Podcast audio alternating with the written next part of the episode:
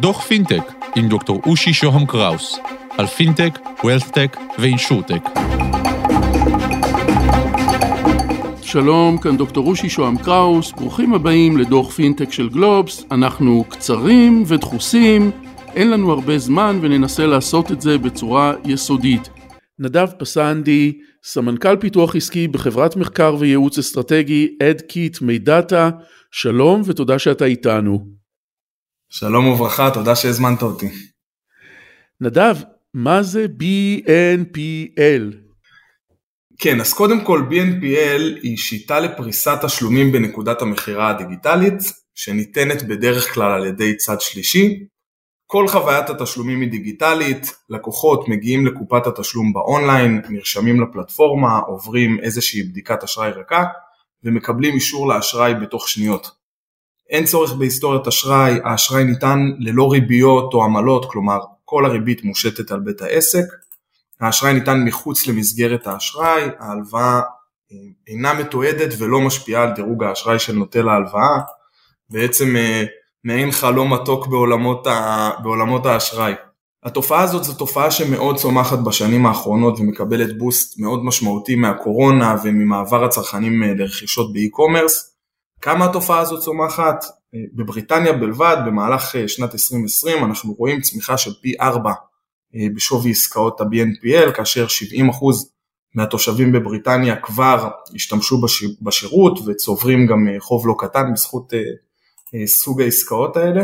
כך גם בארצות הברית כמחצית התושבים השתמשו בשירותי BNPL, כאשר הערכה היא שעד שנת 2024 עסקאות ה-BNPL יהוו כ-10% בערך משיטות התשלומים באונליין, שזה המון לשיטת תשלומים שהתפתחה כאמור בשנתיים או שלוש האחרונות. גם בעולם החברות שמובילות את התחום הזה ומתעסקות בתחום הזה כמו קלרנה ופירם ואפטרפיי רושמות צמיחה סופר משמעותית.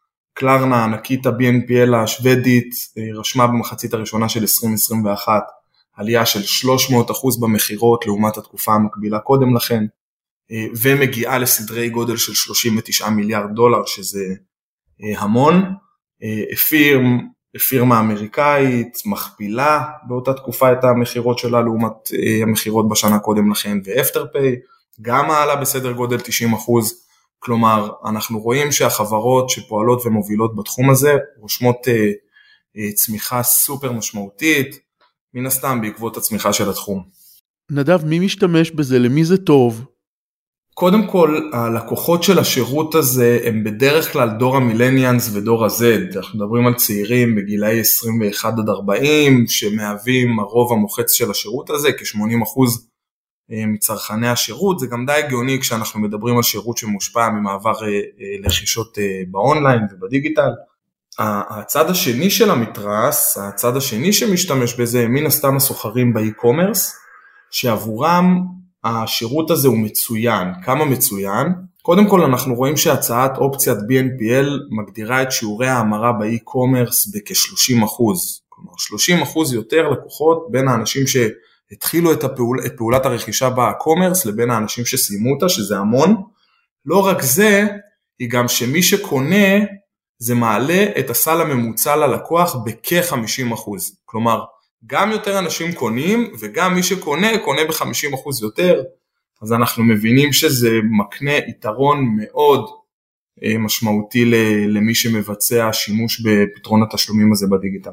נדב ולאן זה מתפתח?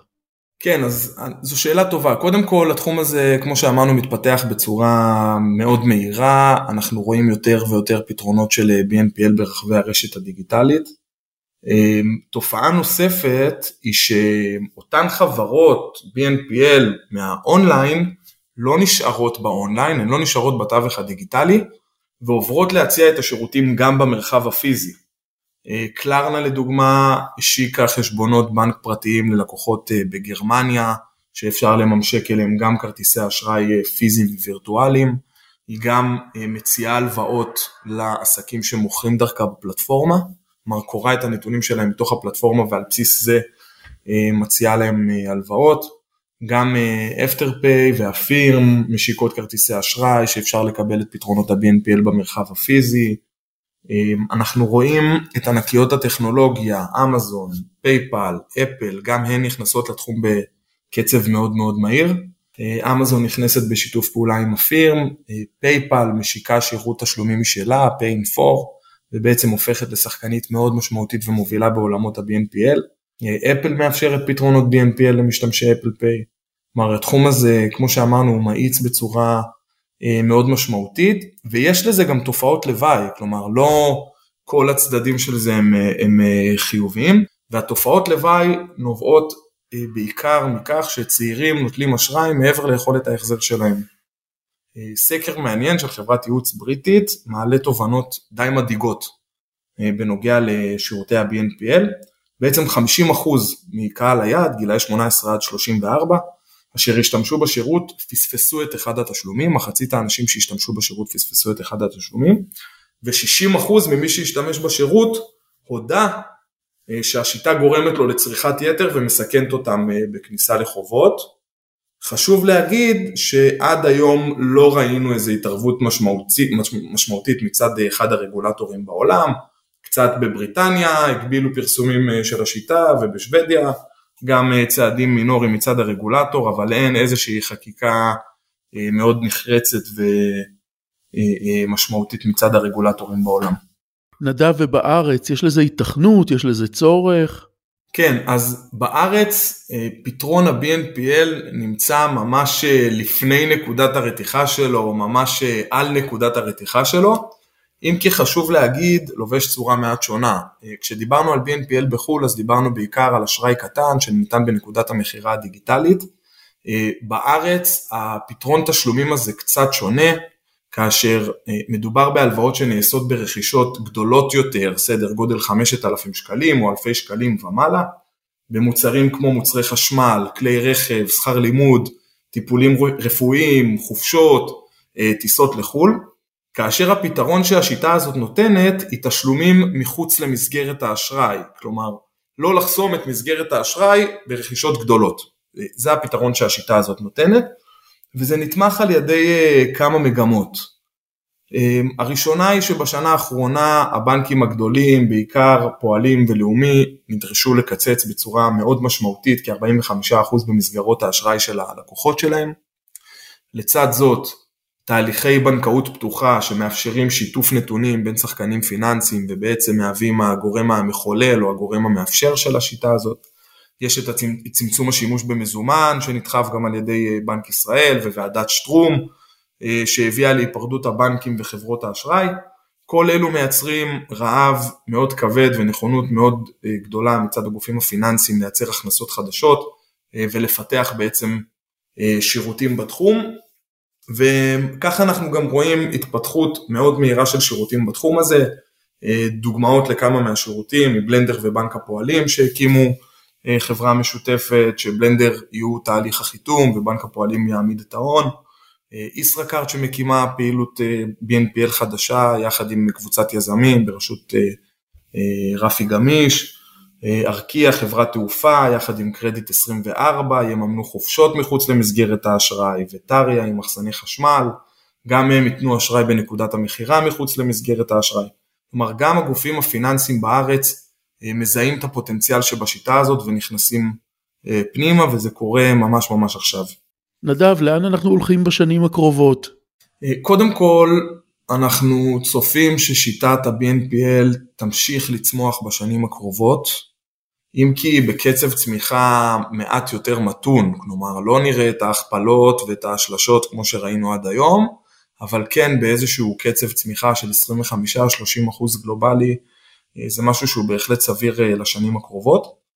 אה, כאן אצלנו בישראל נראה, נמשיך לראות שוק צומח של פתרונות BNPL, תוך כניסה של כל השחקנים הגדולים, בנקים וחברות אשראי לתוך השוק, גם באמצעות שיתופי פעולה עם חברות טכנולוגיה וחברות ריטייל.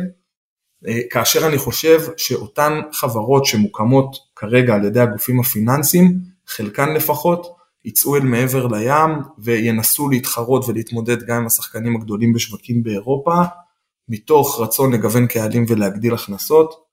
אני מניח שחלק מהן כחלק מרכישה וחלק מהן כחלק מצעדים אסטרטגיים, נקרא לזה מודעים.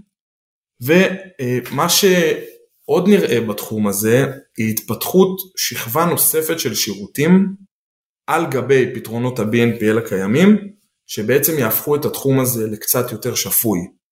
דוגמה לשירותים כאלה הם אה, אגרגטורים שיעזרו לאתר את הצעת הערך הטובה ביותר, או פלטפורמות שיסייעו לראות אה, תמונת מצב אחודה של כל אה, הלוואות ה-BNPL וכולי.